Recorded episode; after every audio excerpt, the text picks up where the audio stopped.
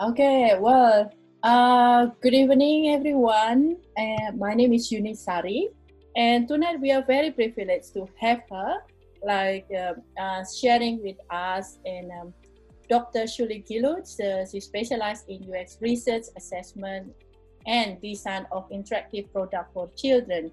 So this is a very special area that she's working on, and um, she's not just uh, someone who is working on one world. So she's also working in the industry and academia as well.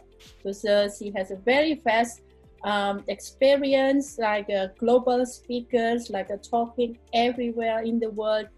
And currently, she's also a lecturer at Tel Aviv University uh, Shenkar Toy Invention Program and a board member of the Designing for Children Right Association.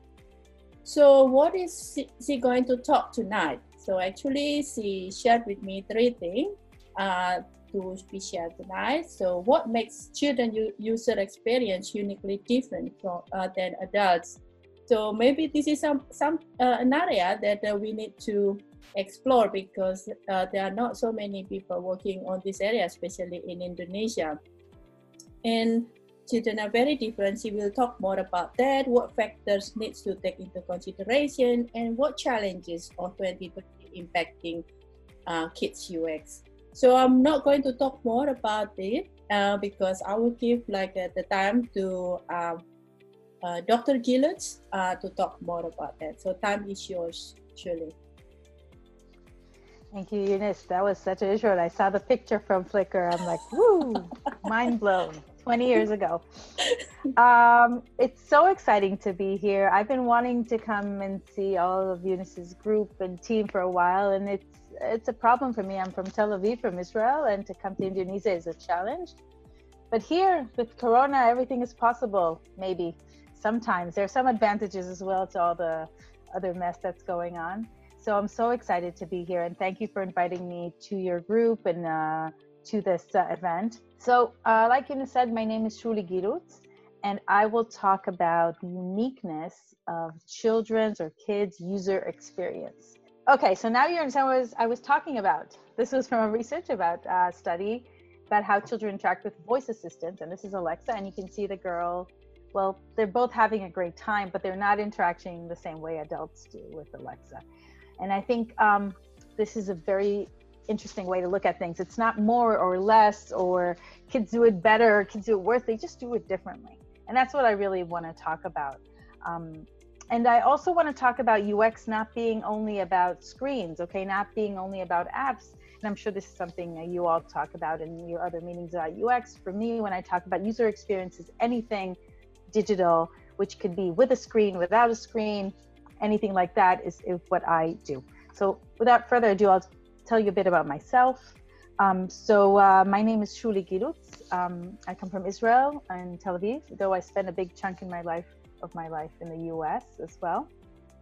And for the past 20 years, I've been working on research about children's technology, both in academia and in industry. I teach at Tel Aviv University and also at Shenkar, the um, toy design program. And I'm a Google uh, mentor for the Google Accelerator, actually, this as well, uh, global mentor. And I work as a consultant for companies who design interactive environments for kids. So I help them do a lot of the research and the UX strategy and design for children. Uh, my background is um, I have a, a, degrees in psychology. I have a, a, master's in learning design and technology from Stanford and a PhD in educational psychology from Columbia University, looking at um, interfaces for young children, understanding how um, young children understand interfaces. Um, okay, do you all hear those bells that when they come in? I don't know how to turn that off, but okay, sorry.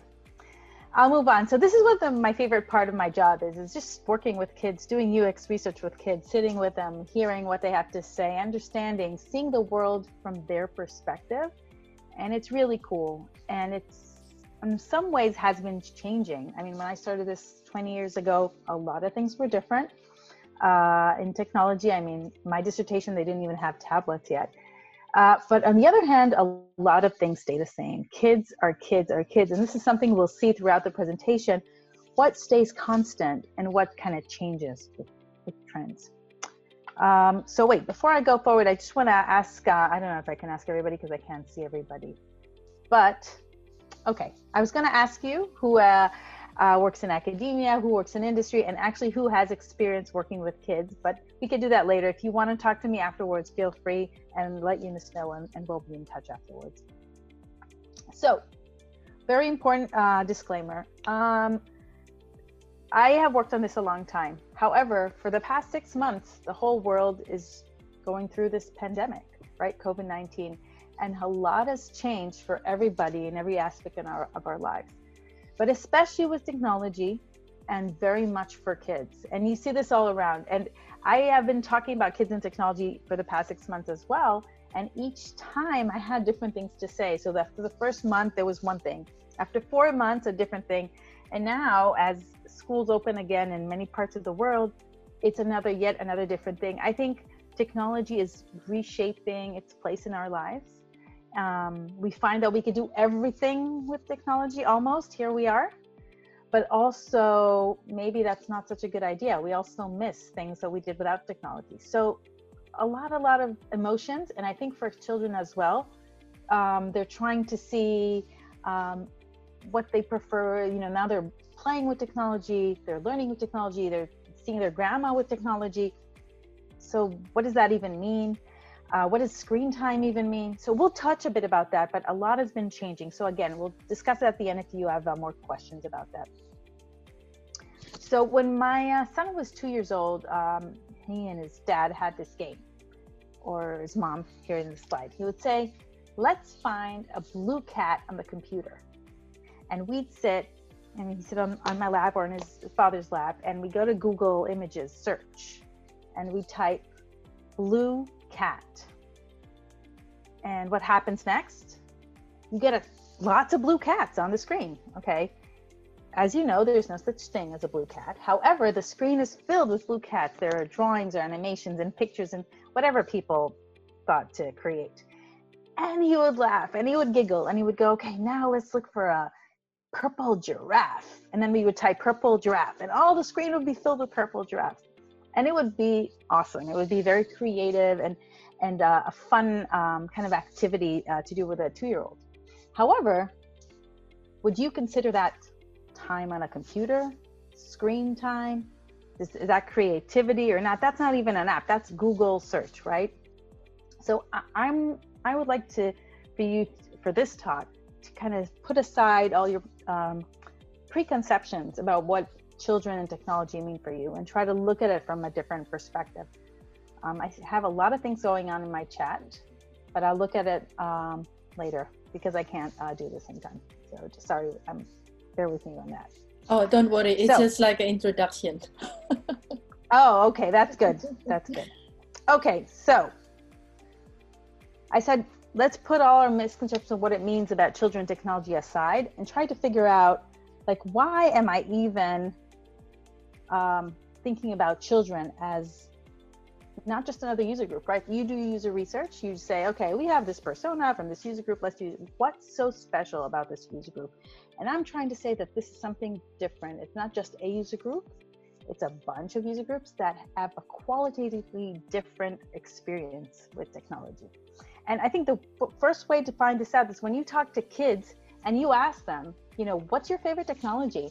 Uh, and you should do that. They don't get the question. What do you mean technology? Like the refrigerator? The car? Everything has technology for them, right? It's not like us. This whole idea of defining technology and non technology is a very adult kind of this is tech. You know, everything has tech. You know, your water bottle will have tech soon. You know, your toys have tech, your books have tech your clothes have tech. everything has tech. so what so that question is not really the right question for them so you have to figure out with yourself what you're really trying to ask and the way they treat these devices we're talking about is very different than we do and i want to show you a short clip and i hope it'll work um, to show what i mean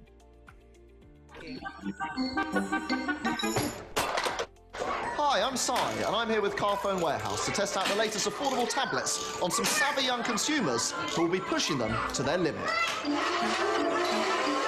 Okay, guys, let's work out. And up, and down. On a scale of 1 to 10, how would you rate this tablet for aesthetics? 26. Red. Red.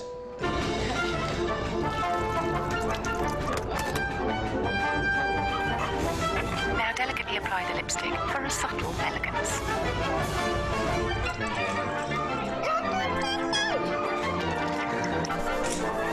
You're on a work trip to Tokyo.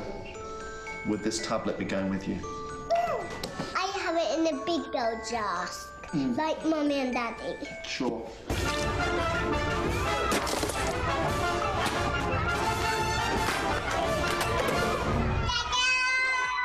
So there we are. Mixing kids, candy, and tablet technology makes for the perfect Christmas party. So if you're looking for a tablet, Okay, so that was an ad, uh, a phone ad, actually, for a couple of years over in the UK. But I love it because every time I watch it, I'm like, what are they doing? I can't, I can't get used to it. But uh, for anyone who has kids and has experienced them taking a phone and throwing it in the toilet just to see what happens because it's cool, then you probably know what this is. And and the, the reason kids act this way is because for them, especially for the kids born today, these devices aren't something special and they don't know they're expensive and uh, they don't know they weren't there before they have been there all their lives just like to their papers and crayons and, and legos or um, building blocks right? So for them it's just something there to try and test and, and play with.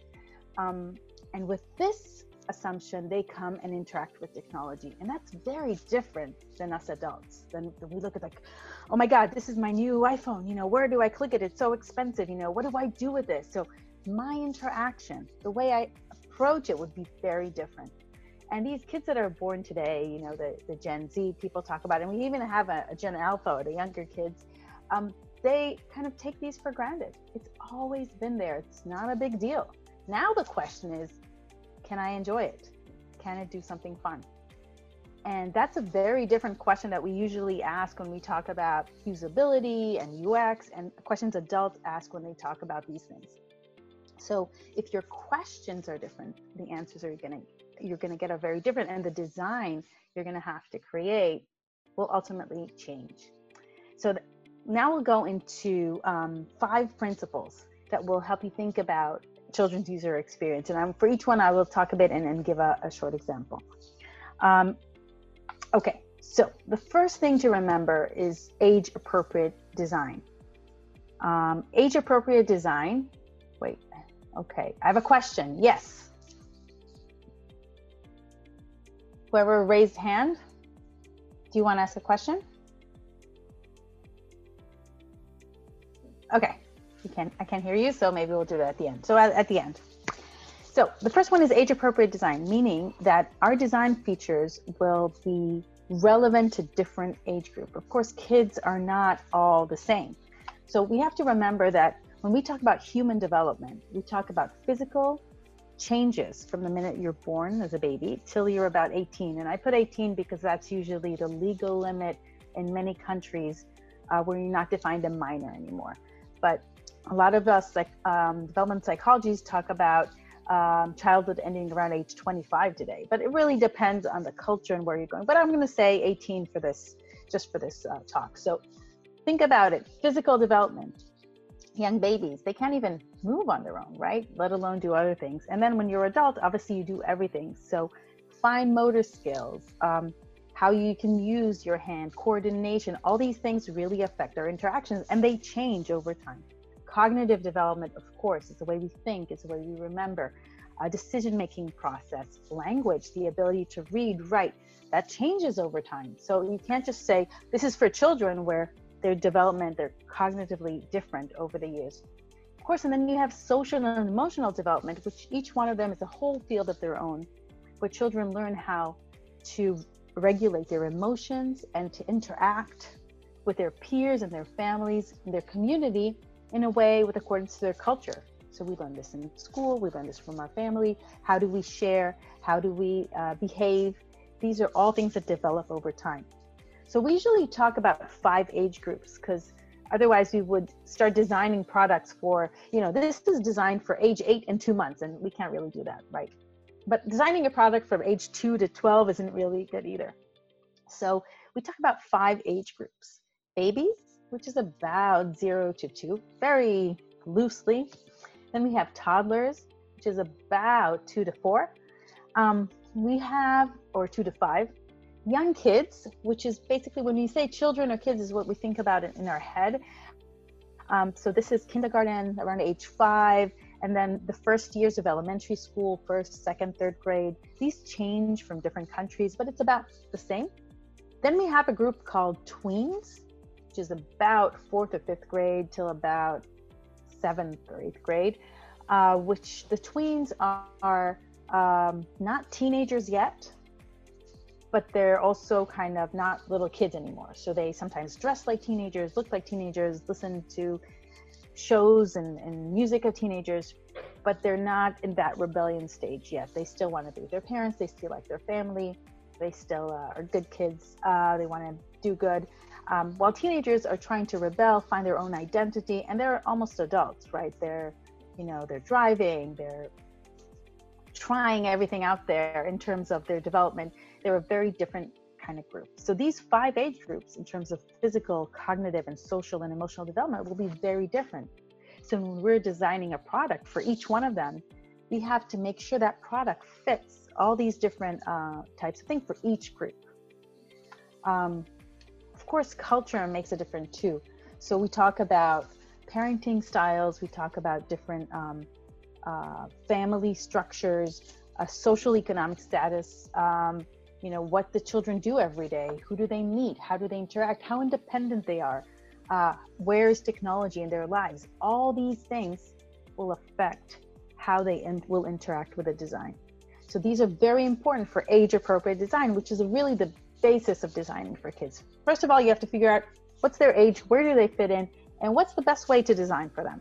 That's kind of the first, first, first thing. I want to show you an example uh, of a really uh, cute app. I, I, like it. I mean, there's so many examples, but this is a good one. Um, the top one, I don't know if you know, is by a company called Sago Mini. It's a Canadian company, and it's an app. Uh, they have a suite of apps for toddlers. And what I like about these apps is that they are very um, age appropriate. So they're very. See the the um, animations are simple.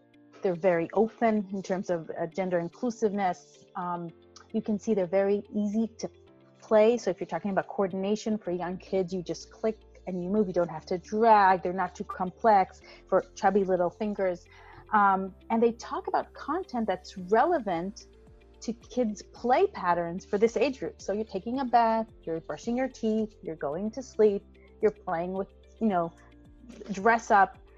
So this is really great age uh, appropriate design. Um, same way, this one, anybody know what this is? I hope you do. Minecraft.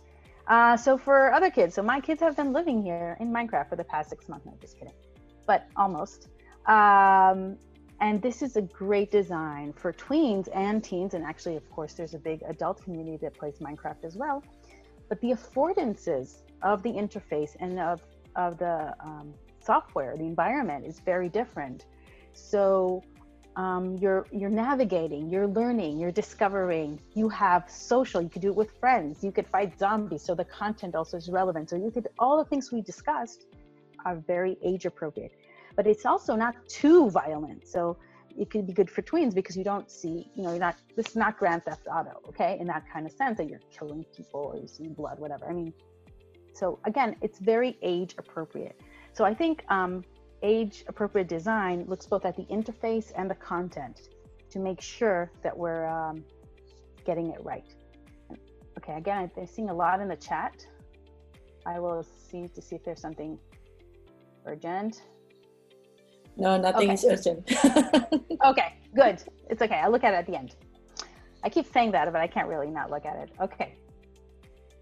The second um, factor to think about is motivation. So when we talk in UX a lot, and I see you, you you do this a lot, is about what is the motivation of the users? Like, why do they use the system? What is the context of use? What is the um, um, flow of the users. So when we talk about motivation for children, it's very different than adults. A lot of times in uh, HCI and and and uh, UX, adults are looking for efficiency, a way to make it better. How do I make this website that sells uh, tickets for an airplane, something that's maybe a little off right now? How do I make it easiest and fastest and, and minimize, you know, the error messages? We want to make it efficient. And when you're designing for kids, that's not necessarily their goal. They're not trying to save time when they go uh, use a product, even if it's a if it's a tool. They want to have fun. Fun is really important in their lives, and it should be. It's the way that kids learn through play. So there are play patterns that go across cultures, and if we learn how to use those play patterns, we can give them the um, uh, experience they want. So this is very, uh, very different. Also, when we look at um, motivation, with children, there's a lot of intrinsic motivation. So with adults as well, we know that intrinsic motivation is the strongest one. When we do something because we really want to do it, that's the best. We learn the best, we, we figure out the best. But we do a lot of things in our life from external motivation, right? So we get a job and we get paid to do our job. It's not necessarily our favorite thing in the world, but you know, we get paid and we get advanced and so forth. So that's external motivators. Kids, uh, for, for the things they want, they do it from intrinsic. So you will see a child battle a horrible interface for an hour just because they really want to play this game. However, if it's something they don't want to do, even if it's perfect usability, they won't touch it. So it's really crucial to tap into that intrinsic motivation. And this is especially crucial in um, educational technology where they really try to add that everywhere. And one of the easy fixes is gamification. So let's make it look like a game and then the kids love it. And that's a challenge. Sometimes it works, sometimes it kind of gets the attention from the learning just to the stars and points and badges. So it could be actually backfire. So it's really important to make sure that your kids are still getting what you want them to, to learn and to experience. Okay, so that's motivation. Um, one example, uh, this is uh, Snapchat filters. Uh, again, uh, Snapchat, a communications application, at least it was in the beginning. And the idea that adding these kind of filters is not something efficient for adults. Okay, so in Zoom, they didn't add these filters at first. Now they do actually. They just added beautify. So if I'm giving a talk, I will look extra professional. But they didn't add an upside down watermelon. Why? Because most adults don't really care for that. However, for kids, did you hear about that app where I can add, you know, I could throw up a rainbow? That is so cool. So the motivation is different, and this will bring out different features, and what will uh, be a success will be very different for the different age groups. Okay. So number three, we should really look at is the generation gap, and this is really important because we keep hearing everybody saying, "Oh, you know, kids today." They're not like they used to be when I was a kid. You know, we didn't do this. We were outside all day. Blah blah blah blah blah. blah right? So everybody says that and actually, our parents said that about us, and our grandparents said that about our parents, and our grandparents' parents said that about them, because every generation says that because things change all the time. So how do we know when things important things change or not? So one of the big challenge of parenting for the past two decades has been screen time. Parents are trying to understand screen time 20 minutes a day, two hours a day, how much is enough? And this is even before COVID, of course. Um, but there is no such thing as screen time. Screen time doesn't mean anything. Even if somebody says, I'm giving my kid uh, 20 minutes a day of screen time, are they watching Sesame Street or are they watching, you know, porn? Okay, I hope they're not watching porn. But uh, screen time matters when you look at the content. So is the content age appropriate? Are they learning something from it? Are they enjoying something from it? That's really what's important. Now, I'm not saying your child has to be on the screen for eight hours a day. But I am saying that if you're trying to build something in Minecraft, you probably won't get it done in 20 minutes. So you really have to think about what are you doing. If you're playing, if you're talking on Skype with your grandmother, you want to do that. You want to read the whole story. It's not about screen time. So it's really about the alternative, what's there. Now, during these days, parents are like, okay, now it's how much time off the screen because you're learning on the screen, you're playing on the screen, you're seeing people, you're on the screen. So this is a new challenge we have to face because the question is what's the alternative, right? So that's a very important question. another kind of misconception about this generation is oh they're digital natives they were born with all this stuff they know all this stuff so they are digital natives and the millennials are digital natives too which is a lot of you guys. Um, but they're not it people. They have no idea about you know uh, security and privacy and password and how things work. So they're digital natives in the sense that they kind of expect things to work. They expect to be connected. You know it's like i said the internet has always been there but they don't know the dangers. And this is something that's our responsibility as designers and as parents and educators to help them uh, kind of thrive in that world. And i'll talk a bit about that later. And the last thing about um, the generational gap is a lot of times people are saying oh this is a interface for kids. So we'll add all these like fun stuff you know there's bells and whistles and it'll be cool. But that actually makes it really hard to use. And if you look at children uh, with research, which we'll talk about shortly, um, they just want good design. They want to navigate easily. You know, all the good design principles and the regular UX stuff you do for adults has to be clear, consistent. You know, everything should work the same for kids. And when we try to add all this other stuff, it just makes it worse. So that's another myth we kind of really need to get rid of. So this is in terms of generational gap. Always remember, uh, kids today think differently, but they still are kids. Um, one last thing is the parenting issue. When people talk about kids and technology, they forget that kids don't live on their own. They live with their parents. And parents, they model their behavior after their parents. If, if the parents are on their phone all the time, that's what the kids want to do, right? Kids try to be like their mom, like their dad, uh, like their big brother, like their uncle uh, like the people they see in their teachers. So instead of focusing only about oh kids screen time they should do this we didn't do this our parents weren't walking around with phones so we didn't care they were doing other things. We wanted to do like them. Maybe they were smoking more cigarettes. Maybe they were watching tv maybe those are things we wanted to do because we were trying to model their behavior. So it's very important to remember the environment that kids are in. And if you want to model certain behavior you have to start with it yourself which is more easier said than done. Okay, so it's it's a, it's a challenge. Um, the American uh, Academy of Pediatrics, so that's uh, the doctors that treat children, actually came out with a report in 2016 discussing this whole issue of screen time. I, if you're interested in this, look down, get their report, and they say screen time is fine. Okay, there's there hasn't been research that says you know screen time hurts your brain or creates ADHD. There's no such research. It's only correlational studies and if you've done some research methods, you know the difference between correlation and causation. That said, that doesn't mean this should be the main thing that kids do all day. So you really have to look about the content, you know, the alternative and the specific child. Some children need it more than others. Some children can benefit it more than others. And, you know, if you have nature, if you have outdoors, if you have friends, if you have family, of course, you know, you should balance everything out.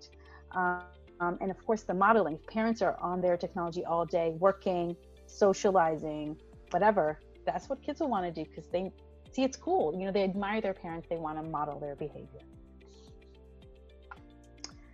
Okay, number four, age appropriate research methods. So, um, you all do UX research, which is important. We know we have to do research in order to create a good designs.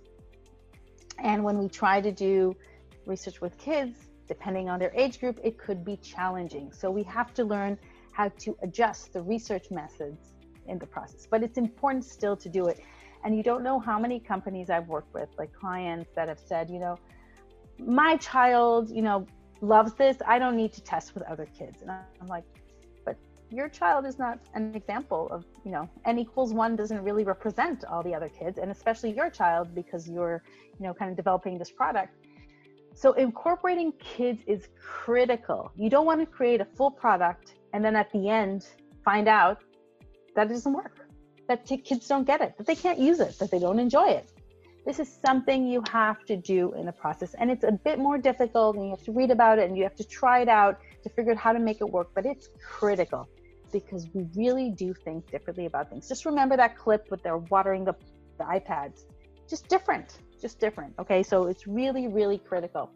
So we have to incorporate kids before we do the product, during the design, and afterwards to make sure that our final kind of prototype, MVP, or product is really uh, kind of working. So all the research methods, you know, can be adjusted for each age group. and we have to find a right way to do so.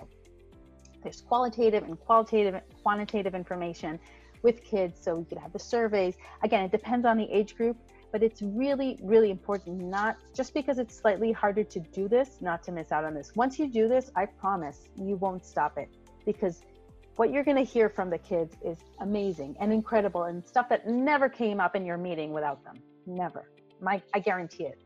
So it's very, very important uh, to do this. Um, I just want to say these are pictures from uh, hackathons. Hackathons with kids are awesome. And I want to give them an example of a research method that is done with kids. A lot of times, usability testing, for example, because it's hard to get kids to think out loud and to talk aloud during the test, we do it in dyads. So you bring in a child and one of their best friends, and then you ask them to play the game or find the mission or, or do whatever task that's needed. And then they keep, you know, each other straight. They're like, oh, you can't click that. You know, that's wrong. You should go there. And then we have the whole think aloud process coming out. Instead of talking to me, which is like a boring adult, they're talking to their best friend. And a dyad method really helps. The one thing we do have to um, think about is will they be using this product in dyads or on their own? And if they're going to be using it on their own and not in dyads, later on we should also do some kind of research method when they're not in dyads. So we do get the real experience of them using uh, the product. Okay, and last but not least, really not least, very, very important uh, for designing for kids is ethics. So ethics is design in design and UX is critical for everyone, and we see this every day in the systems all over the world. Silicon Valley, everybody's talking about it right now. But for children, because they're minors, it's even more important. It's our job as designers, as developers, and as a society to protect them in terms of ethics. So it's also a legal requirement. There are the rules, there's the GDPR, there's the COPPA, and all these other rules all over the world protecting kids. So when we're designing, both the backend, the databases, what data we collect, but also the UI itself. We really have to go into the legal requirements and make sure we're not collecting data. We're allowing the kids to know what we are collecting and how their data is protected. This is very important and it should be age appropriate. Um, privacy. So again, we're not sharing that information. They're not asking for their personal information. They don't know. They will give you their name. They will give you their address. We don't want them to do that. And different companies have solved this in different ways, but this is really, really important. And of course, safety. You know, there's bullying, there's people trying to harm children. We really have to make sure we create an environment that they are safe. Like the same way they're safe in a playground in your neighborhood, they should be safe in your uh, application or virtual environment. So that is very, very critical. Advertising. Um, kids don't know what ads are, especially younger kids, especially under the age eight they can't really tell the difference. I mean, ads have cartoons.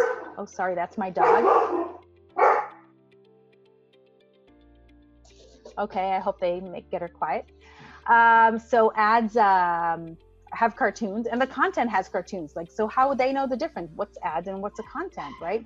And especially online youtubers are selling products they're doing product placement. Kids don't even know that's product placement. So we have to be extra aware of all this merchandising when designing for children and really help them understand with digital literacy and media literacy the issues regarding advertising. It's okay to say, you know, we know when we see a Coca-Cola commercial that it's they're trying to sell us Coca-Cola, and we still enjoy it and we still buy Coca-Cola. That's fine but as long as we understand what it is.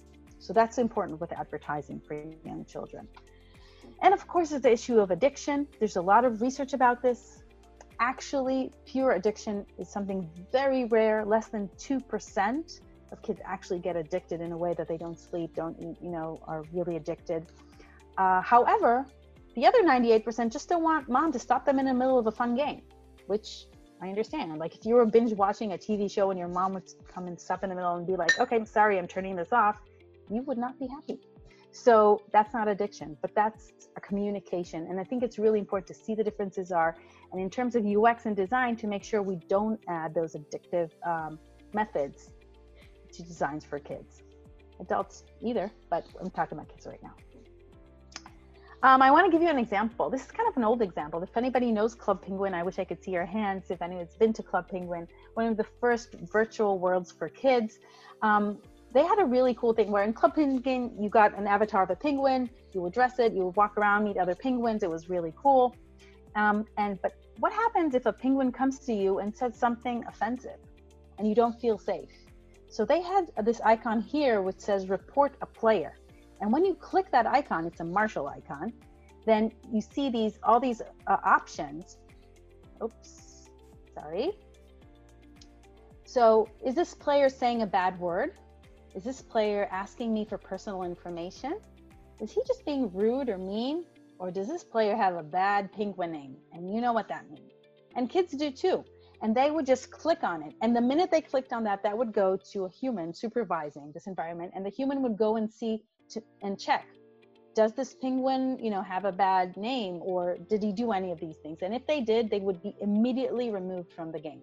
However if the report was false then the person reporting would be removed. So you can't just go to your friends and say they have bad penguin names. So this was a very smart way to make kids feel safe. They know like in the street if you don't feel safe you can go to someone you trust so this is always someone they can go to because we can't really control everything in virtual environments. So this is just a way to give um, kids that uh, sense of safety, of knowing that this is an environment they can trust. I'm also part of a global organization called the Designing for Children's Rights Association. And we are a group of designers, UXers, people from all over the world that came together to, to try to create design guidelines according to the Child's Rights um, Declaration of the UN 30 years ago. And I invite you all, whoever's interested, I'll send Eunice this to join us. And we don't have people from Indonesia, so please do join us. And we're really trying to get the word out and how to make designers uh, make it easier for them to design for kids according to child rights. And safety and privacy is a big part of that. We're working with UNICEF on a few efforts, and I hope we're continue going to continue this work. So I really invite you all to join.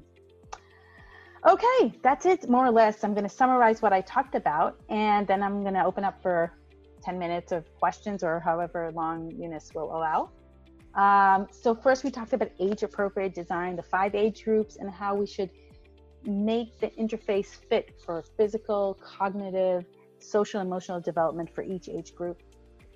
We talked about different motivations between adults and children and the difference between internal, intrinsic, and external motivation. And we talked about generation gap, all these myths about kids today um, that we really have to understand why they behave that way and what that means and what it doesn't mean. And about age appropriate research methods, how it's still critical. And there are ways to do all the UX research methods you know with children from all five age groups. Well, maybe not babies, but four age groups. And then ethics, how that's really, really important. And we should never overlook it uh, both because legally we shouldn't, but also because it's our role as uh, designers to make sure that the products we design are always safe and enjoyable and go with children's rights all over the world. So, thank you so much. Wow, this is cool. Let's give up an applause for Shuli. okay. Well, yeah. well, this is really good. And um, yeah, surely we're gonna have a lot of discussion uh, because uh, there are some questions on the chat. But let's do the photo things together because some people may have to leave, like uh, at eight o'clock here. Okay, so okay. everyone, can you please uh, open your camera and then oh, gonna do. Cool. Yes. Hi, you have kids here too. How awesome! okay. Uh, Everyone, can you please open your camera? I'm wait. I'm going to wait for you. Okay. So we do not just have the empty empty box here. Okay, are you ready? Okay, let's go. One. Oh wait. Yeah. Okay, wait, wait, wait. Okay, don't. okay, stop. Stop asking question first. three. One more.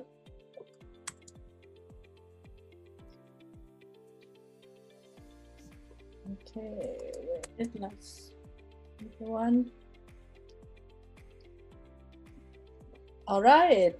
Well, okay. uh, don't need okay. to smile anymore. okay, we should smile more. Okay, shall we have a big smile and then do something funny? Okay. Okay. Okay. Let's do. Let's do something funny now. Okay. Just we could not see your face.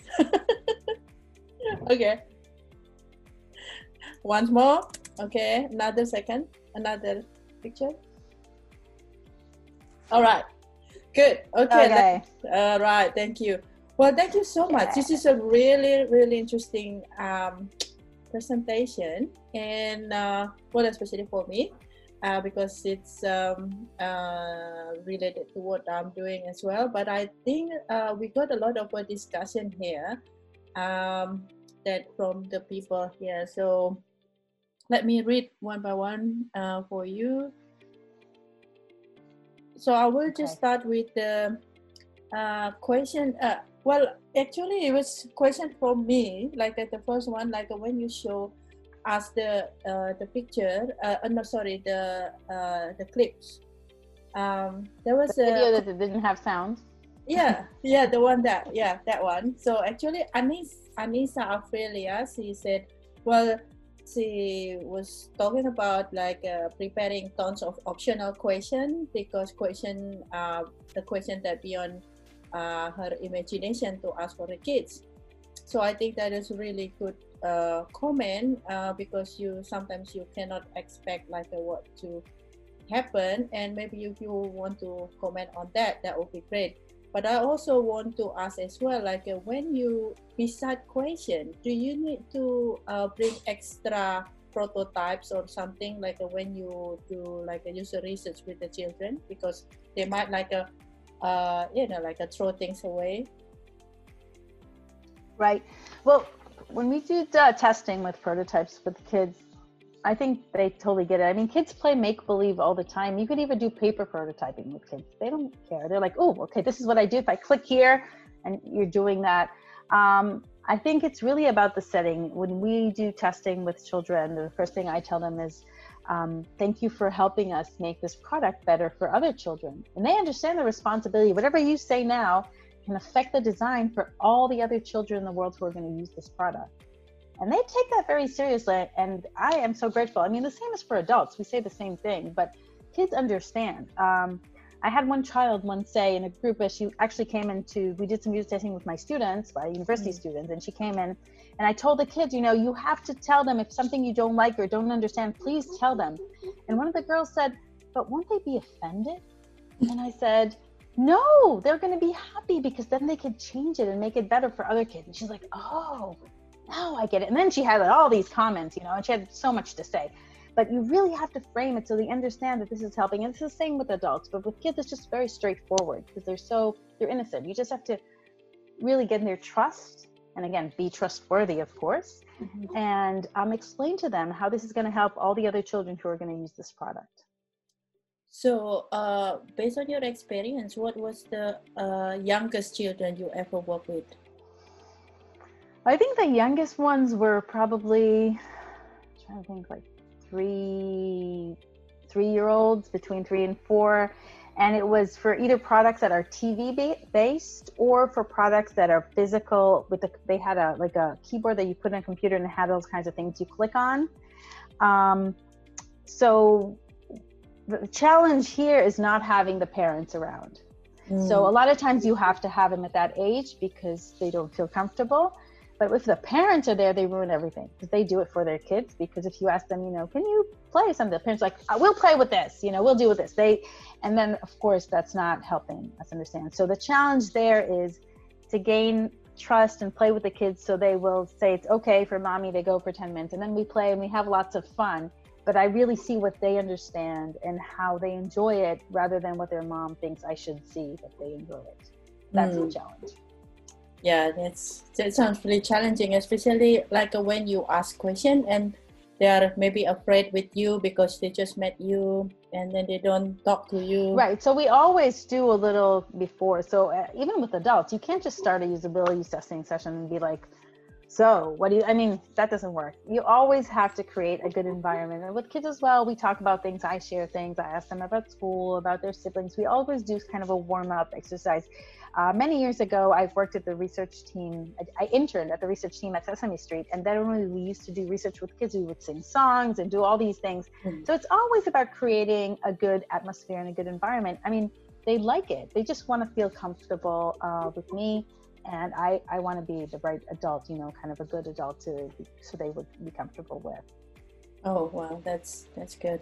Uh, is there any significant like a uh, behavior between male and um, uh, female children when they choose like uh, to play what kind of toys or what kind of games?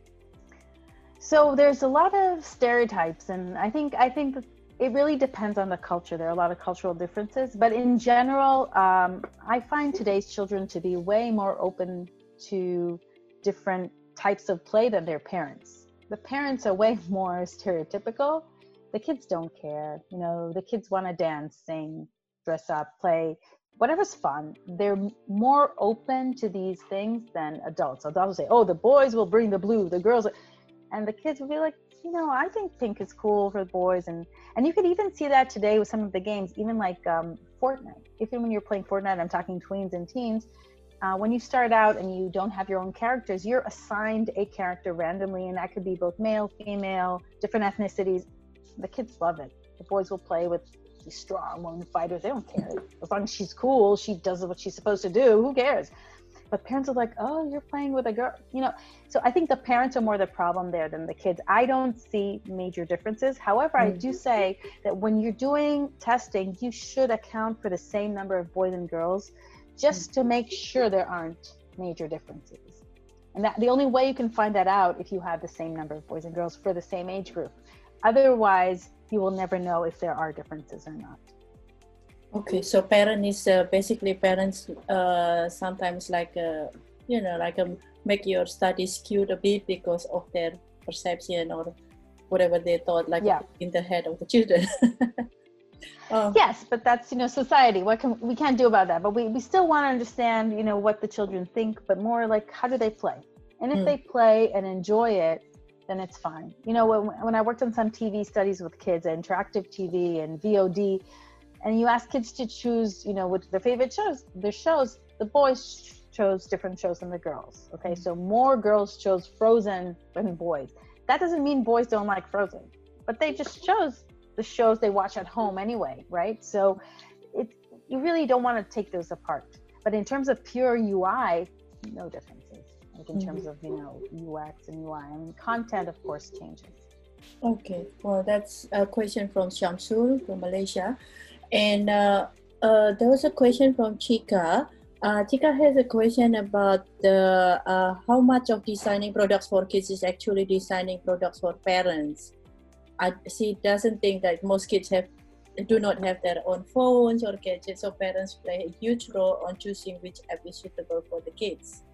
That is a very good question. So when we're talking about digital products, about apps, for example, and games, especially for the younger kids, of course it goes through parents. I'm a parent myself. I buy everything for my kids. They don't buy it on their own. So we do have these different stakeholders and it's challenging because designing for parents is different than designing for kids. And sometimes it's the opposite, right? They have different mm-hmm. goals. So when we do user research, like in every other project, you have to look at the different personas and you have to identify the pain points and uh, the delights for each one of them and, and, and then find a way to bring it together. But ultimately, good content can trickle down to kids as well. Um, there are different ways that's marketing, but you will want to get the good content to the kids. And if parents buy something that's very parent friendly eh, but not kid friendly, kids won't play with it. I mean, parents will buy it, but the kids will, you know, play with it and then just leave it alone because it's not fun or not they're not learning or not exciting. So it has to, at the end of the day, you have to have both. But yeah, for young kids, it has to go through the parents. Tweens, it's half half teenagers. It should not be parent friendly because then teenagers won't buy it. so that's for teenagers. You should be like anti-parent, uh, which would happen with Snapchat. You know, when Snapchat earlier started, I mean, today nobody even talks about Snapchat. You know, everybody's in TikTok. But the thing was that parents, even if they saw the app, they couldn't do anything the interface was so unintuitive. But that's what teens love, right? You don't want to be on Facebook with your mom and your grandma. You want to be in your own place because you're a teenager. Yeah. So for that age group, that was perfect. But for younger kids, of course, it's the opposite. Yeah, well, it's like uh, the teenagers thinks that the Facebook is only for old old people, like a moms and dads. Right. Right, because it's true. All the old people are there. They're teachers, they're grandparents, they're parents. They're like, yeah. they feel I mean, a bit cringy. yeah. so we are old. definitely Um, old. uh, yeah, that's thank you for that um, answer. So Anissa actually have another question here, and um, she's actually working with the kids with disabilities. One of her students have dyslexia. Um, she thinks it's quite challenging to make him identify some sharing screen button. Do you have any comments? Because she's mentioning about fundamental works with kids. Uh, yeah, this kind of. Actually, I don't have like a ready-made solution because there are different types of dyslexia. It also depends on the age group and everything. However, there are groups doing very specific work in that area, and I would urge you to look it up, especially for kids with dyslexia with that age group, and, and then for for these questions because so many people have to deal now with these technical stuff, right? All the Zooms and everything else. So there are a lot of discussions going on in different forums uh, on social media and just on the internet for these very specific questions. So I'm sure you're going to find really good answers. I'm sorry that I don't have. There's more information needed here to give a, a good answer. Yeah. Uh, so Anissa, maybe uh, I mean like uh, if you still have a question, like uh, let Shuli or myself know, and then we can help you to find some resources on that one.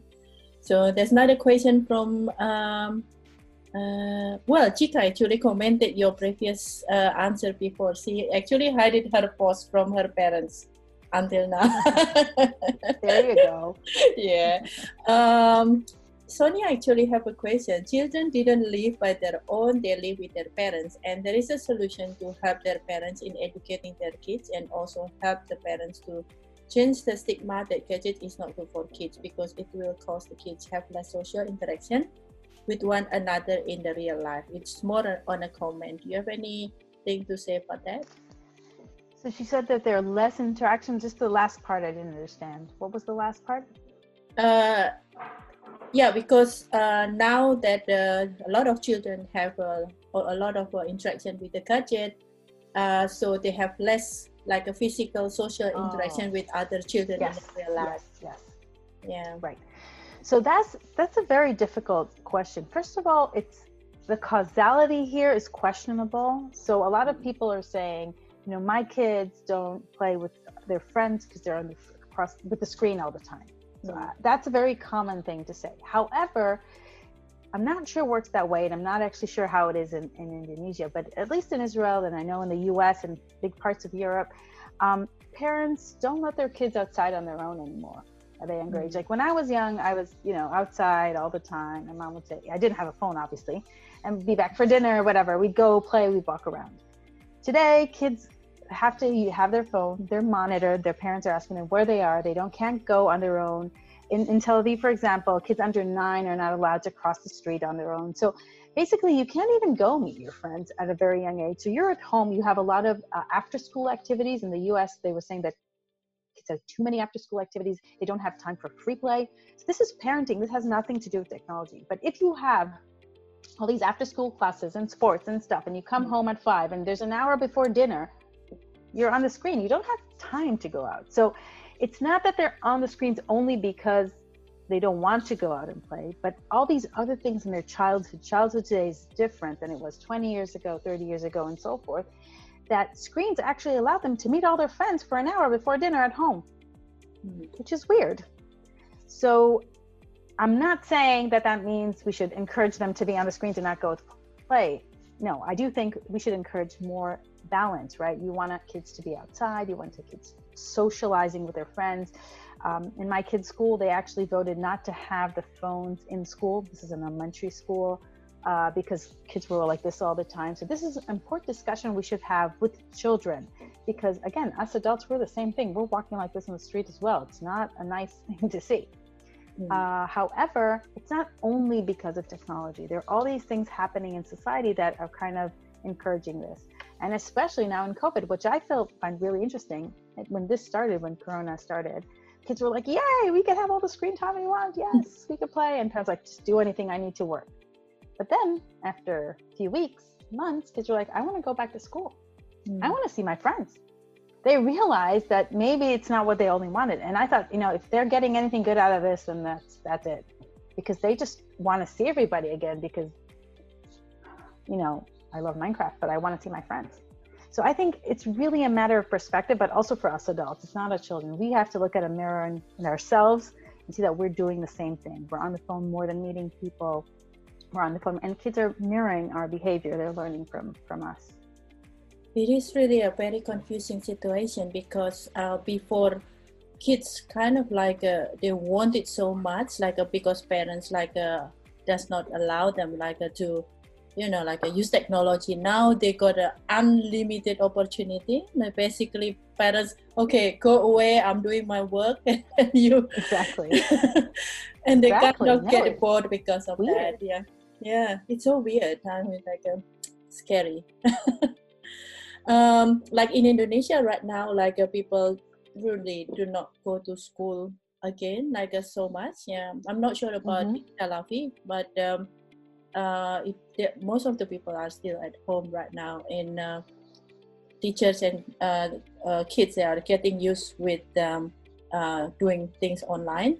Uh, but yeah it's it's a bit uh, yeah it's interesting though like uh, uh, they got tired feeling exhausted of uh, being in the technology so not sure like uh, this right is we're really getting we're pushing the limit because we're doing everything on a screen. I mean i was the first one to say there's nothing as screen time you know it really depends about the content. It's Mm. true but after 10 hours yeah there is. Hmm. i mean we all know this. We know if we watch tv too long we don't feel good we have a headache.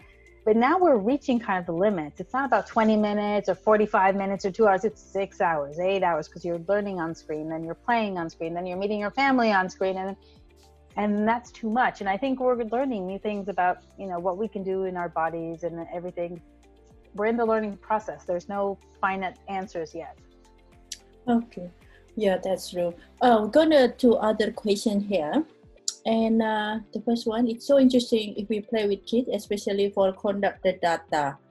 Uh, I see curious about how to deal with children who often tell stories and do not do not want to listen.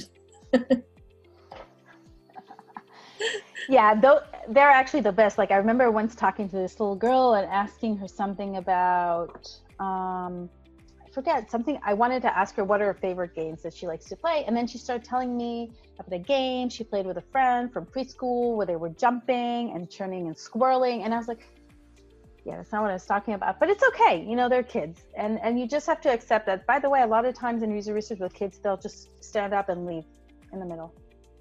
I don't want to do this anymore and we have to be okay with that you know because they're kids they're not adults. And that's why you should always have a, a few more participants because you never know who's going to you know break down crying who's going to want to leave. And this could be teenagers too it doesn't have to be uh, young adults but, but it's fine. You know they're kids it's fine. And we just say it's fine whatever you want. Um, but yeah so you have to accept that there'll be these things. And and also remember that when you're designing your product because the way children interact with products is not necessarily the way you intended it. So I've seen kids find when they click an error message and it makes a bah sound, they think that's the coolest thing. So they spend hours clicking on that error message. That's the best part of the product. People like, ah, okay, I didn't design it that way. So this is the thing you can learn doing testing, right? You know, what's cool for them, what's exciting for them. Hopefully it's not clicking the error message, but who knows? Yeah, it's like the the Mozilla things, like when uh, you cannot reload. The way they, the, they di- the it was fun. dinosaur, right? That's why they Yeah. added it, by the way. yeah it's yeah they thought it is fun that's the fun the fun Yeah. thing um uh yeah actually we had a, a really interesting like a talk by eva eva is actually here today Uh, do you know eva I have. I think we met at CHI before. Could be. Yeah. Maybe. yeah i'm not sure if she's still there eva are you still there yeah she's doing like a usability testing with the kids and um yes and uh, uh, she had a really good talk. Oh, she needs to leave soon. Okay. Cool. Well, uh, yeah, and then last question is actually from Shirley, and it's probably it's uh, uh, uh yeah asking about the uh D DCRA. Like, uh, do you mind to like uh, just type the uh, link again because I might have uh, typed it incorrectly. Because uh, Shirley is uh, one of the leaders from the school in Jakarta, and uh, she would like to know about the association you mentioned.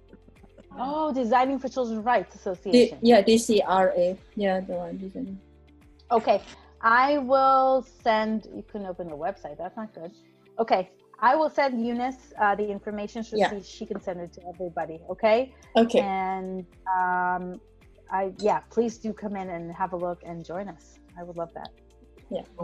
Well, thank you so much. So I'll um yeah, so this is a really good talk, Shuli. Thank you so much. And uh really inspiring and I believe everybody here are enjoying the talk today. And uh, still a lot of questions we want to discuss. Uh, but like uh, maybe some other time that now that you can go to Indonesia virtually. Yes, I hope so. well, I hope next time face to face. I don't know. We'll we'll figure it out somehow. Yeah, the world we'll find out. We'll Yeah. figure it out. We'll figure it out. Okay. And Well, thanks everybody, and feel free to reach out to me also, um, email, social media, whatever, and continue the conversation. I'd be happy to talk to you. Cool. Okay. Thank you, everyone. Thank you. Good night, Shuli. Yeah. Have a Thank you, Bye. Thank you. Have a good day. Bye, everyone. Thank you. Bye, everyone. Okay, thank you. Thank you. Thank you, Nis. Thank you, George. Thank you. Thank Thank you you. for everyone. the information. I really Yeah. appreciated that. Yeah. Thank you so much. Thank you. Thank you. Bye, Kak. Bye bye.